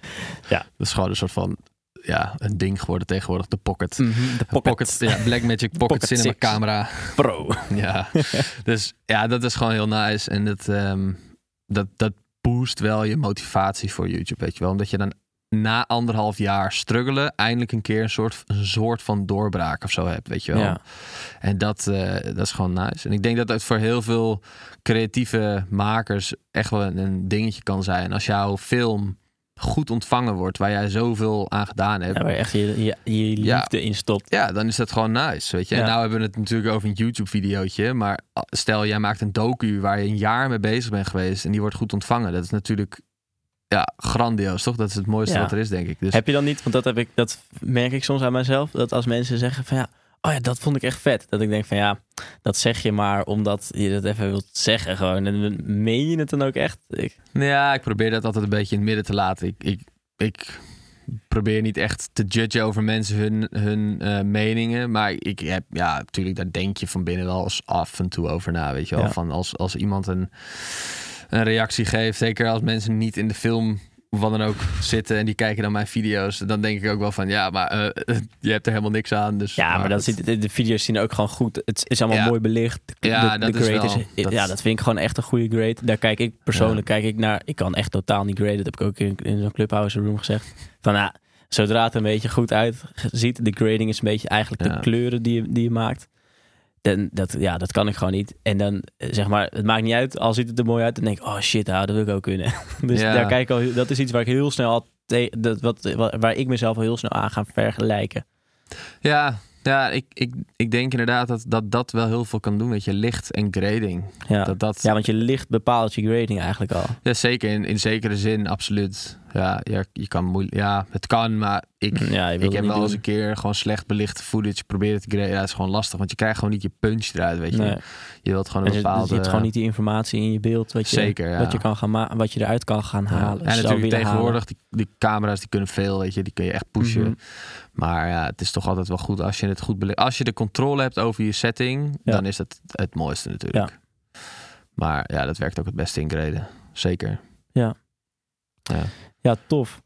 En ehm, ja, nu zijn we weer een beetje... Nou, we zijn niet off topic gegaan. Ik, eh, met het editen, ik merk zelf ook al... Ik edit de podcast zelf niet, maar ik merk al wel telkens dat ik, zo, dat ik denk van... Oh, daar even een knipje, even, even dat een beetje terughalen. Ja. Eh, Ik, ik, eh, inhoudelijk wil ik niks aan de podcast gaan editen. Ik vind het zelf ook, daarom wil ik de podcast ook niet edit, zelf editen. Ik vind dat dan heel lastig om naar mezelf, naar mijn eigen stem, dat, die ken ik nou wel van opnames. En ja, camera loopt. En actie, dat soort, dat, daar ken ik mijn stem wel van. Ja. Maar om dit, om dit zeg maar nog een keer door te luisteren, dat vind ik zo. Ja, dat, dat, dan ga ik echt aan mezelf twijfelen dan bij de volgende podcast. Dan denk ik, ja, dan, de vorige keer zei dat. Dat was echt zo'n domme opmerking. Dus zeg maar, dat is Ja. zo'n. Hoe. Ja, jij script je video's natuurlijk, dus je hebt dat dan. Je, je zal het wat minder hebben, maar natuurlijk, je hebt dan wel dingen. Denk dat je, dat je op camera even een trekje hebt of zo. Dat je dat zit te kijken Oh, van joh. grap. Wat, wat Je doe wil jij? niet weten. Echt eindeloos veel. Ik, ik, ik ben nu ook een beetje aan het bedenken om een soort van mapje bij te houden met al mijn, mijn, mijn bloopers en zo. Want het, het slaat echt nergens op, jongen. Soms zit ik gewoon echt minutenlang voor de camera gewoon één woord proberen uit te spreken, zeg maar. Omdat het gewoon, het lukt gewoon niet dan, weet je. Camera. Ja, het is gewoon. Het, eh, het zijn, ik kan nu even niet bedenken welk woord het laatst was. Maar het was gewoon een bepaald woord. Het kwam er gewoon niet uit. En dan, omdat ik dan zo in die flow zit, dan Mhm. blijf ik met een strak gezicht naar die camera kijken. Met het, omdat ik weet dat ik het dan goed kan knippen. Kijk, Ja, als je naar ja, links dan- gaat, dan, dan- heb je zo'n gigantische ja, Mhm. kut in je. In je ehm, Ja, dan kan je gewoon een klein beetje inzoomen en dan ben je er. ja, precies. Dus ik, op die manier kan ik dat heel, heel makkelijk wel fixen. Maar ja, dan zit ik wel gewoon een minuut lang gewoon zo. Don't move, don't move. wel? En dat ziet er zo vaag uit. En ja, dat, dat, dat is denk ik normaal, weet je. Ja. Ik, als ik soms bloopers zie van andere gasten, dan denk ik van ja, dat heb ik ook. En het is ook hartstikke natuurlijk. En je moet je er ook gewoon... Ja, we zijn allemaal mensen uiteindelijk. Ja, en daar leer je ook wel gewoon van. En ik merk wel naarmate ik het meer doe, dat het allemaal iets soepeler eruit gaat, eruit komt. Maar het, het, het- ik besef wel dat het, hoe meer ik voorbereid, hoe beter ik mijn, mijn zegje voorbereid heb, hoe makkelijker het uiteindelijk Ja. ook op, op camera staat. En ja, dan kan je soms beter een half uurtje extra besteden aan het doorlezen van je hele scriptje. In plaats van het snel schrijven en meteen willen opnemen. Ja. Dus ja, dat, op die manier probeer ik dat een beetje, ja, zeg maar, steeds verder te pushen om, om gewoon nog makkelijker voor de camera te gaan zitten, weet je wel. En ik denk dat voorbereiding gewoon heel belangrijk is. Ja, want je stopt er dus best, ja, je stopt er onwijs veel tijd in.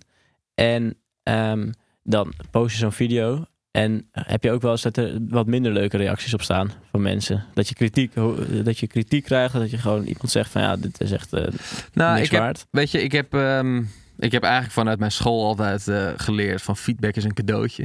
Mhm, nice. En ik zie het, ik zie altijd, pro- probeer altijd alles te zien als feedback. Weet je, Ja. natuurlijk zijn er soms eh, negatieve gasten, maar ik moet zeggen dat ik eigenlijk sinds de afgelopen twee maanden dat mijn kanaal een beetje opgepakt is, echt geen één negatief persoon in mijn comments heb gehad die negatief negatief is. Wel gasten die me tips geven, weet je wel, van Ja. yo, je kan het misschien, misschien als je dit doet, weet je wel. Laatst zei iemand zo van, eh dude, ik storm eraan dat je achtergrond niet recht is. Echt. ja, dat zag ik ook Ja, in de toen- video. ja. En toen reageerde ik gewoon van, oh, oké, cool. Weet je, ik zal het proberen op te letten volgende keer. En toen zei hij van, oh, oh. Want hij, ik denk dan ook dat zo'n jongen meteen dan schrikt dat ik daar meteen op reageer. Ja, in, heeft geen in een positieve, vin, eh, positieve zin.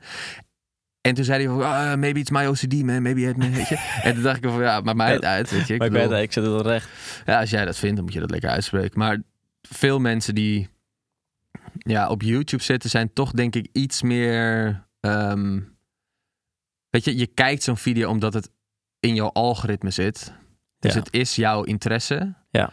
En dat is, dat is iets waardoor, wa- waardoor je vaak minder snel negatieve reacties krijgt. En ik denk, ik gooi ook dingen in op, op Facebook bijvoorbeeld. En daar Mhm. krijg ik wel echt veel bullshit. Weet je? Ja? Omdat, ja, dat zijn mensen die niet geïnteresseerd zijn in jouw Ja, die, Ding. niet per se, die zijn niet die groep ingegaan om van jou een bericht te Exact, krijgen. Ja. juist. Dus, maar goed, ja, dat, daar moet je gewoon mee leren dealen, weet je. En Ja. ik denk dat dat... Je moet gewoon ervoor zorgen dat je ja, weet wat het kwaliteit van, de kwaliteit van jouw product is. Van, jou, van jouw productie is, zeg maar. Van deze video is. En als jij daarachter staat, ja, dan moet je dat gewoon ja, voor lief nemen, weet je. Ja. En als jij heel erg laat beïnvloeden door andere mensen, door wat ze zeggen... Negatieve dingen dan bijvoorbeeld. Ja, dat, dan gaat het fout natuurlijk. Je Ja. moet het gewoon lekker laten, weet je.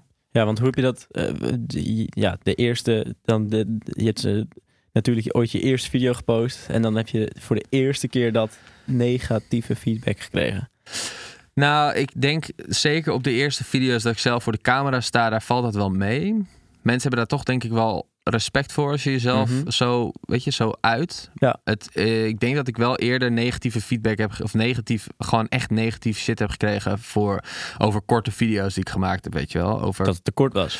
nou, gewoon dat, dat, dat, ze, dat ze de grading echt lelijk vonden. Dat ze de, dat ze de, de kadrering heel kut vonden. Dat, ze, Ah, weet je, dat soort dingen. En dan denk ik van, ah, oké, weet je, dat is prima. Als je dat denkt, cool. Dan Fine daar kan ik heel weinig aan doen nu. Maar that's fine by me, weet je wel. En daar moet je, dat, dat moet je dan accepteren. En dan moet je ook gewoon meteen weer loslaten als het iets is waar je niks mee kan. Als je dat niet doet en je gaat, weet je, je neemt dat mee en je laat dat niet los. En er komen andere reacties en andere dingen dan. Dan hou je dit hele online social media gebeuren niet vol. Nee. Dat, dat, dat kan niet. Dat, dat is gewoon niet menselijk. Dan, ja, dan word je opgefroot. Of, ja, Dan, ja, dan ga je gewoon kapot. Ja. Ja. Simpel. Ja, dus je moet, dat, je moet daar gewoon een hele goede balans in, in proberen te vinden. Dat je dus gewoon dingen los durft te laten en gewoon door durft te gaan, weet je wel. En ook, ik was gewoon heel bang dat hoe mensen mij zouden zien, weet je. Op, als ik mezelf op internet zou zetten op die manier, gewoon zo pratend over mijn passie. Ik dacht gewoon van, ah, mensen gaan dat echt dom vinden, weet je wel. En Ja. toen aan de andere kant, dat engeltje zei dan weer tegen mezelf van, ja, maar dude, wat boeit het, weet je? Doe het gewoon. Ja. En als het echt heel kut is, dan verwijder je het gewoon weer. Ja. Ja, dat heb ik nog nooit bedacht. Dat Zo, zo zat ik toen gewoon en dacht van ja, ja wat, wat heb ik te verliezen, weet je wel. En toen ben ik daar gewoon in doorgegaan. Met Ja. die soort van mindset van ik heb toch niks te verliezen. En het kan altijd alleen maar meer voor mij betekenen. Nou, uiteindelijk als ik terugkijk heb ik er ook heel veel van geleerd. Dus ik ben heel blij dat ik het gedaan heb. Maar ja, ik denk ook wel zeker dat, dat YouTube een... een of het, het, het hele de journey op YouTube een soort van ehm, ja, spike is geweest in mijn positiviteit. Weet je?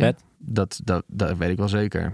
Want het heeft me nu heel veel mooie dingen gebracht, weet je. Gewoon samenwerkingen met, met nou, Black Magic bijvoorbeeld. Daar ben ik nog niet mee bezig. Wat Echt? echt, super sick is. Ja, dat, Wow. en die hebben mij gewoon benaderd, weet je wel. En dat soort dingen, dat, dat, dat, dat denk je dan aan. Ja, dat zou dan, dat zit dan iets in Oh, je dat hoofd lijkt dat me je denkt, tof, oh, maar dat ga je echt... pas alleen krijgen Ja. vanaf 100.000 abonnees, bla bla. Ja. En dan, nu krijg ik gewoon al, en die gast die zegt ook van, ja, weet je, we vinden je, we vinden je stuff zo nice. En wij willen ook gewoon mensen die loyaal zijn aan onze, onze brand helpen, weet je, in een bepaalde Ja. zin. En denk van, jeetje, mina man, wat vet. Wat vet. En dat, snap je, dat soort dingen brengt dan deze journey ook al. Ja. En dan, dat brengt mij super veel positiviteit, zeg maar. En gewoon heel veel ja, zin om daarmee door te gaan. Snap je? Mhm. Dus dat is wel. En daar, en daar, ja, en daarmee denk ik dat het wel heel belangrijk is, is dat je, dat, dat je inderdaad gewoon doet wat je echt wel leuk vindt. Ja, dat vind ik nou ook. Dat is echt iets wat ik, wat ik steeds meer. Ik, ik heb dat altijd gewoon tegen mensen gezegd. Van, gast, als je, zolang je maar gewoon doet wat jij leuk vindt, dan komt er altijd wel een manier hoe dat financieel of hoe dat allemaal Ja. goed valt, zeg maar. En, Ja, het is toch wel heel eng hoor. Want toen Ja. ik dat editen deed, jongen, toen zat ik ook zo kut in mijn vel. Toen dacht ik ook echt van, jongen, wat fuck ben ik nou aan het doen, man? Weet je, Gast, echt, ik besef me net ineens dat ik... Ik heb een tijd op Bonaire... Ik ben, toen ik afgestuurd ben, ben ik naar Bali gegaan. Nou, daar heb ik ook een beetje geëdit. En eh, dat was helemaal, helemaal top. Ik zat daar met vrienden. Ik had helemaal... Ja, surfen, helemaal leuk. Toen ben ik naar Bonaire gegaan. Ben ik, op, een- ben ik een vriend gaan helpen op een zeilboot. En toen kwam ik het toch... het- ja, Bonaire is hartstikke leuk op vakantie voor twee weken. Maar verder is daar... Er woont 19.000 man op dat eiland. En er is gewoon... Ja, en het is daar super duur. Zeg maar, als je boodschappen gaat doen, ben je gewoon zeg maar, wc-papier is daar 10 dollar. heb je zes rollen wc-papier. Enkel laags.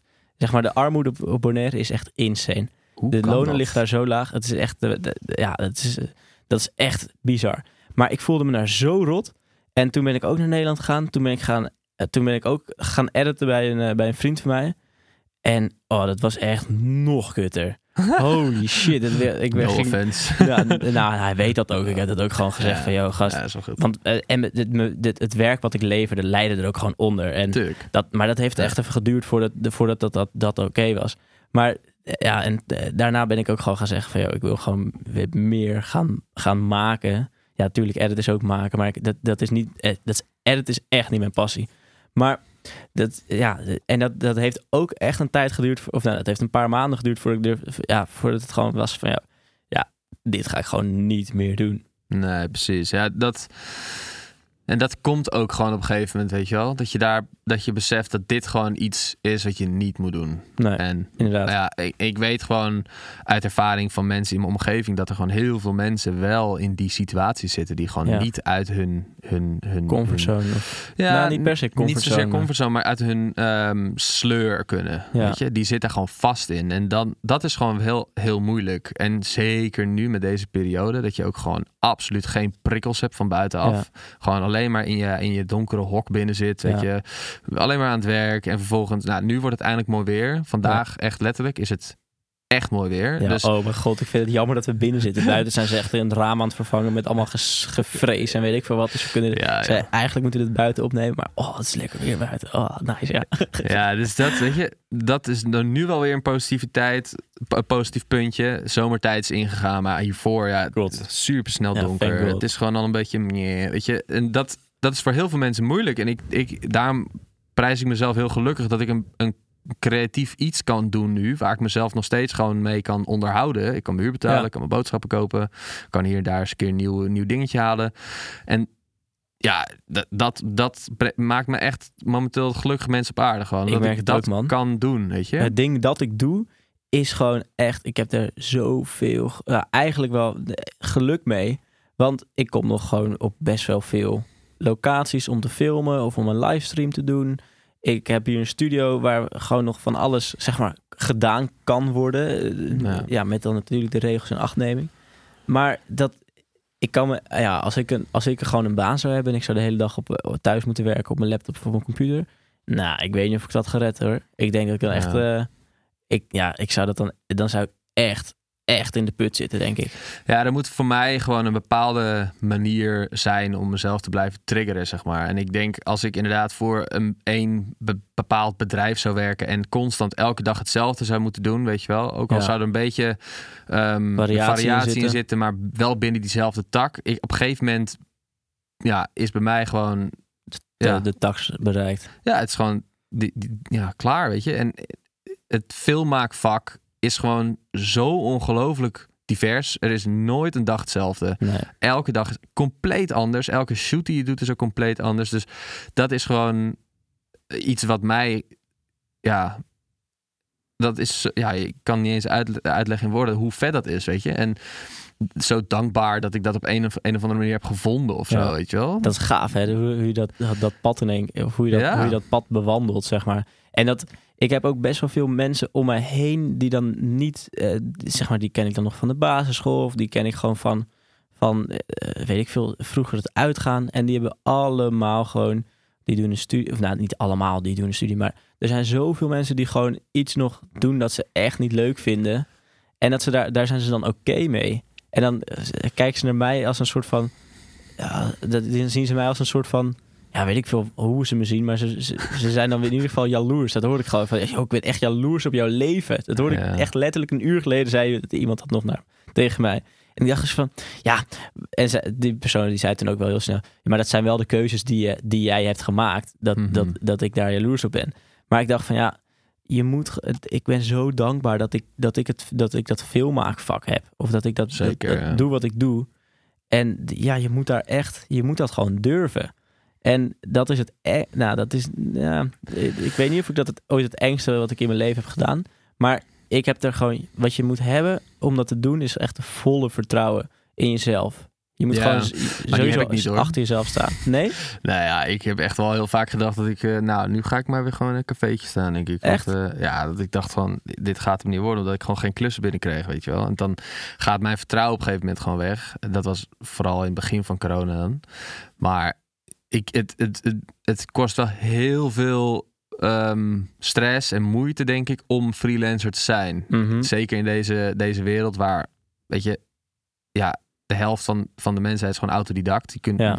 je, alles kan je leren, weet je wel. En er zijn ook gewoon heel veel mensen die dat heel goed kunnen. Mhm. Dus het, weet je, het- dat maakt het gewoon heel spannend. En voor Ja. heel veel mensen is dat gewoon een, ook gewoon een, een te hoge drempel om te gaan freelancen of om iets te gaan doen waar ze, ja, waar wel hun passie ligt. Omdat Ja. gewoon dat te ver weg ligt van hun comfortzone bijvoorbeeld. Mhm. En ja, ik denk dat dat, ja, dat is gewoon heel moeilijk te doorbreken, weet je. En ik, maar ik, dan heb ik er ook wel weer zoiets, een soort bepaalde gedachte van dat op het moment dat je nou te lang in zo'n situatie zit en opeens, weet je, knapt er iets en dan Ja. doe je het alsnog. Want ik Ja. hoor wel, ik had laatst ook een gesprek met iemand die, haar vader, die was eh, op volgens mij 52 jaar of zo, haar, zijn eigen bedrijf begonnen, omdat hij er klaar mee was, weet je wel. Nou, dan ben je 52, ja, dat kan ook. Ja. En ja, dat, dat, dat is wel, daar heb ik wel heel veel waardering voor. Weet je, op het moment dat je toch echt op een gegeven moment beseft van dit is niet iets wat ik wil doen.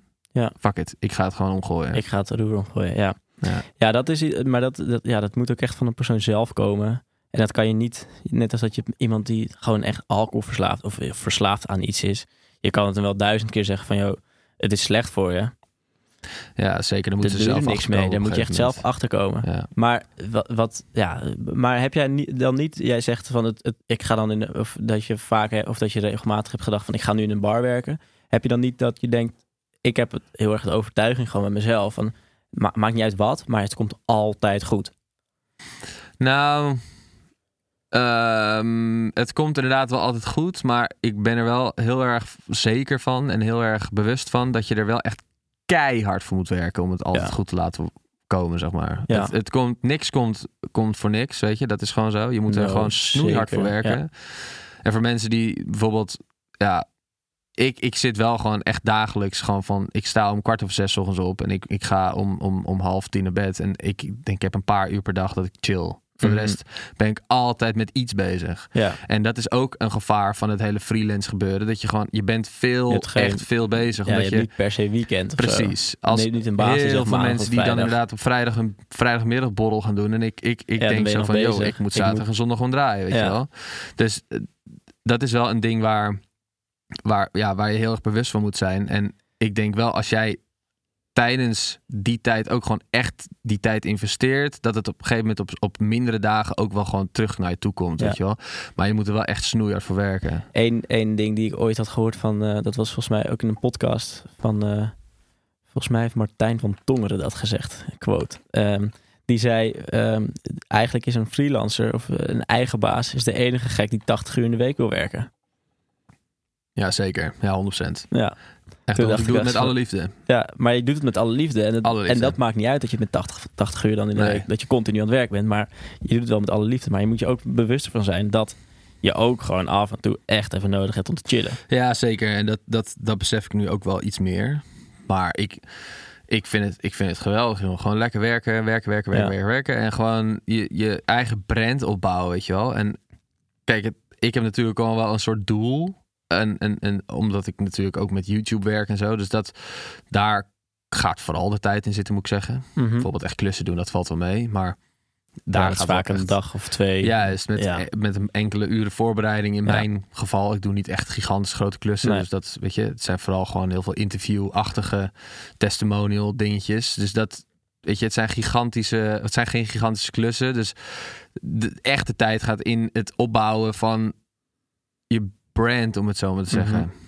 Ja, je- daar je eigenlijk altijd ja, ik ben er altijd mee bezig. Ja. Echt. Van s ochtends tot 's avonds. Ja, en het- ik vertrouw erin, weet je. Of ik, ik vertrouw erop. Dus Ja.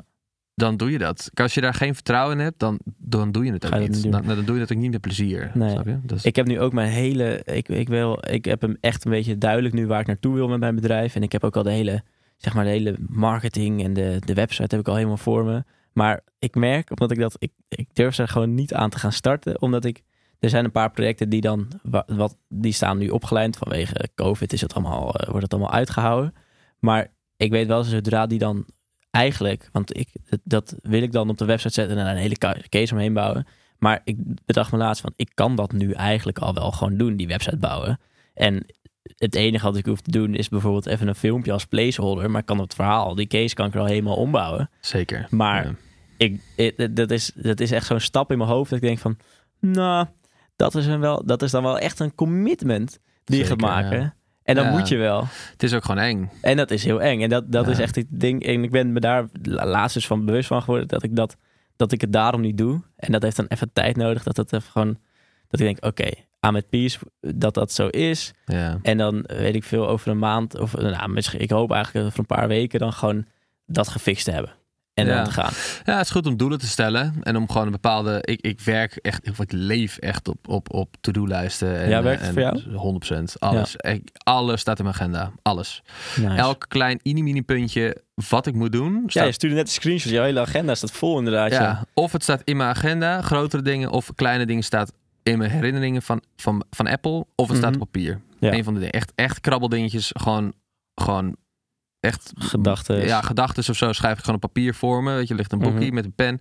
En gewoon dingen, bijvoorbeeld, eh, weet ik veel, dat ik ehm, ja, mijn website een spelfout ergens uit moet halen. Dat zet ik dan Ja. in mijn herinneringen, want dat doe ik dan morgen om 12 uur bijvoorbeeld. Weet je wel? En dat het, ik, als ik dat niet doe, dan vergeet ik het ook. Ja. En dat, als je dat van jezelf weet, als je daarvan je daar- bewust bent, ja. dan kan je daar gewoon op, op, op anticiperen. En Ja. dan kan je daar, ja, dan, dan, ja, dat werkt gewoon top, weet je. En Heb je dat geleerd in die, in, die, in die periode dat je dat 6 am en ja, man, dat is Ja. echt waar ik toen, dat is eigenlijk waar ik mijn leven heb omgegooid. echt dat, in ja, die self-development Ja, periode? zeker. Wanneer is dat geweest? Dat is eh, eigenlijk toen ik net naar Amsterdam, ja, net voordat ik naar Amsterdam verhuisde, zeg maar. Ja, waar woonde je toen? Daarvoor? Eh, toen woonde ik gewoon even nog thuis, omdat ik echt even niks had. Ik woonde in. Antwerpen eigenlijk. Toen, Ja. ik, dat, toen ik bij Surfland werkte, toen ben ik terug naar, naar Alkmaar gegaan bij mijn pa. ja. en ben je daar ook toen, ehm, opgegroeid in Alkmaar? Ja. Yes, geboren, getogen. Boven, En, de, eh, boven het kanaal. Ja, nee, eh, snel weg. Maar ehm, ja, toen, toen daar merkte ik wel echt dat, dat er gewoon een verandering nodig was. Want ik Mhm. leefde nog heel erg in het, eh het surfblend eh, routine leventje, zeg Ja. maar. Wat gewoon eh, ja, vaak laat slapen was. En dan Zuipen, slapen. Ja, zuipen en sporadisch vroeg op als een goede golf waren in de ochtend. Maar Mhm. vooral gewoon lekker smiddags surfen, zeg maar, Ja. of 's avonds. Dus dat... Weet je, toen op een gegeven moment dacht ik van er moet iets anders. Er moet gewoon, het moet veranderen. En toen ben ik dus bij Matt Diavella gekomen op YouTube. Die heeft mij echt heel veel, heel veel inzicht gegeven over, ehm, over ja, mentale gesteldheid en dat soort dingetjes. Daar heeft hij het heel veel over. En toen ben ik gewoon om zes uur gaan opstaan. Gewoon van de een op de andere dag, een paf. Echt? Zes uur gaan Ben opstaan. je een ochtend- of avondmens? Nou, ik was toen zeker een avondmens, ja. Maar Ja. nu ben ik echt wel massaal ochtendmens. Maar hoe was het vroeger dan? Zeg maar toen je, toen je naar de basisschool ging? Gewoon echt Altijd. eh, altijd al avondmens Altijd. geweest. Ik heb super weinig geslapen tijdens mijn schooltijd. Oh, Echt vet. gewoon vijf uur max. En dan werkte ik perfect. Maar nu niet meer. Ik, echt, ik slaap acht uur elke dag. En dan, dan slaap ik goed, weet je. Dan heb ik een goede dag. En dan, ja, vroeg opstaan werkt nu gewoon voor mij heel lekker. Omdat het, ik heb dan gewoon... Ik kan vaak meer doen in de tijd dat ik van, van zes tot tien ongeveer... dan dat ik normaal gezien over een hele dag zou kunnen doen. Zeg maar. dag Omdat ja. ik zo gefocust ben. En dat heb ik nu wel echt... Dat heb ik toen gewoon echt geleerd, zeg maar. Vet. En dat, daar komt nu ook mijn hele routine vandaan. En ook gewoon de, drang om mezelf te ontwikkelen. En mezelf, weet je... Ik heb gewoon geen zin meer om me slecht te voelen. Of om... Geen tijd voor eigenlijk. Nee, Of- ik, ik ja. heb er nu gewoon echt geen tijd meer voor. en dat vet. klinkt fucking weird. Maar ik heb gewoon geen tijd meer om, om me daar druk over te maken. En, en ik merk gewoon dat, dat hele, die hele routine die ik over mijn hele dag verspreid heb, dat dat gewoon mega goed werkt. En daardoor voel ik me gewoon top, productief, creatief. Ehm, ja, alles eigenlijk. Want hoe doe je dat? Ik heb ook vaak dat ik denk, oh, ik wil nu echt een ochtendroutine gaan starten. En dan heb ik bijvoorbeeld een dag dat ik echt, nou, dan kom ik, eh, dan ben ik eh, om eh, half elf klaar met draaien. En dan ben ik, zeg maar, of nou, dan ben ik om half elf, heb ik alle spullen weer terug op zijn plek. Of bij het verhuurbedrijf, of waar dan ook, het- waar het dan moet wezen. En dan moet ik, ja, dan denk ik, ah, chill, ik wil morgenochtend vroeg op. En lig ik één uur in bed of zo. Dan denk ik, ja, shit, als ik nou om zes uur op ga, dan heb ik niet die acht uur slaap die ik echt, ik heb echt acht uur slaap nodig. Anders ben ik gewoon echt de hele dag moe. Ehm, hoe doe jij dat? Als jij, als het zeg maar, als het losbreekt van je routine. Nou, ik denk dat het belangrijk is om, om, om te snappen dat ehm, als ik nu niet mijn wekker zou zetten en ik zou om twee uur in mijn nest liggen, dan, dan ben ik om half zeven wakker. Standaard. Maakt niet uit wat er gebeurt. Ik ben ik, ik, ik, ik serieus zet alleen bij echt belangrijke klussen zet ik mijn wekker, maar verder zet ik mijn wekker niet. Echt? En ik, sta- ik ben altijd wakker. Wat? En dat is nu omdat ik dit dus nu al vier jaar doe, weet je? Ja, En ja dat, Dat- is dan echt dat een is- routine geworden. ja, dus dat is gewoon omdat het nu echt een echte routine is. En in het begin maakt niet uit wat er gebeurde, hoe laat ik naar bed ging, of ik niet kon slapen, whatever. Ik stond om zes uur op. Maakt niet uit wat er gebeurde. Want die eerste twee weken sliep ik pas om twee uur s'nachts. ja. Want ik gamede gewoon, weet je. Ik was gewoon aan het, aan het, aan het Modern Warfare spelen tot Ja. twee uur s'nachts. En van de een op de andere dag had ik zoiets van, yo, ik moet veranderen, weet je. Ja. En toen ben ik gewoon om zes uur gaan opstaan. Maar mijn hele slaaproutine was natuurlijk gewoon nog was twee uur s'nachts. niet. Dus dat is echt, dat heeft twee weken geduurd. Twee weken niet aanspreekbaar, super cranky. En daarna is het gewoon langzamerhand over de maanden heen is dat veranderd naar vroeg opstaan en me goed voelen in de ochtend. En toen op een gegeven moment merkte ik dat ik me zo goed voelde in de ochtend dat ik mezelf kon pushen om te sporten. En dus toen ben ik gewoon first thing, ging ik om zes uur opstaan, ging sporten, ging gaan naar het park, ging sporten. En dan daarna ging ik mijn ontbijt doen en daarna, weet je, en dat top. Dat werkte echt fantastisch. En dat is nu nog steeds wat ik doe, behalve het sporten. Ja, Helaas. vet. Ik eh, denk dat we moeten gaan afronden. Ik heb nog echt zoveel vragen dat ik denk, oh, ik wil daar nog verder op ingaan. Maar we zijn nu denk ik al wel anderhalf uur bezig. Hij staat nu op 2 uur 34. Het zal natuurlijk een beetje ingeknipt zijn, dus ik denk dat we nu... Ik snap die twee echt nog steeds niet. Wat het Ja, nou volgens mij, is, het is echt muziek, dus je begint op de 1. Dat zeg ik nu, maar waarschijnlijk dat mijn muziekvrienden ja, keihard uitleggen. ja, precies. Ja, dat Maar- zou kunnen. Ehm, ja, dus anders eh, eh, is het ook weer zo'n lange... Ik, dus, ik denk, dus ik denk dat we op eh 1 uur 30 zitten. Top. En dat vind ik eigenlijk wel een, eigenlijk al wel een beetje te lang. Ik wil eigenlijk altijd een beetje 1 uur 20. Ik weet niet waarom ik 1 uur 20 heb in mijn hoofd. Ja, maar er wordt nog wel geknipt, hè? Ja, er wordt, nou, er, inhoudelijk gaat er niks uit, maar er worden een beetje dingetjes uitgehaald. Weet je, de kleine dingetjes uitgehaald. Dus ik denk dat we, dat, we, dat we prima op tijd zitten. Mocht je dit nou een leuke podcast vinden, geef dan even een recensie op Apple Podcast als je dat daar luistert. Spotify kan je mij gewoon volgen. En dan is er eigenlijk één ding nog wat ik even wil vragen. Altijd aan het eind van de podcast eh, wil ik een codewoord erin brengen. En dat mag Sjoerd vandaag bedenken. En dat codewoord, dat kunnen mensen jou dan... eh Sjoerd kijkt nu heel erg op. Zo van, oh shit, wat, wat, moeten we nu gaan doen? Dat codewoord is gewoon één simpel woord. Kan van alles zijn. kan een kopje eh, glaasje, gitaar, naaimachine, wereldbol zijn. Dat zijn een paar objecten die hier in de studio staan. Ehm, maar dat codewoord kunnen mensen dan jou en mij DM'en. Want dan weten we dat mensen de podcast helemaal hebben afgeluisterd. Oh god. Eh, Het, eh, Microfoon. Nice. Nou, Oké, dus als jij binnenkort een microfoon in je, in, je, in je story, of in je story, in jouw DM hebt, dan weet je dat mensen dit podcast helemaal afgeluisterd hebben. En dan, ja, rest mij nu echt nog maar één ding te zeggen. En dat is een hartstikke fijne dag, avond of nacht of ochtend. Ligt er maar net aan wat je, wa- wanneer je luistert. En ik hoop dat jij ook luistert de volgende keer. En als je bijvoorbeeld nog feedback hebt, laat mij dat dan ook even weten. Ik ben heel erg benieuwd wat je, mensen ervan vinden. Het is dus echt een nieuw project voor mij. En ja, dus dat is, eh, is allemaal hartstikke spannend. Mensen, tot de volgende. Ciao. Laters. Later.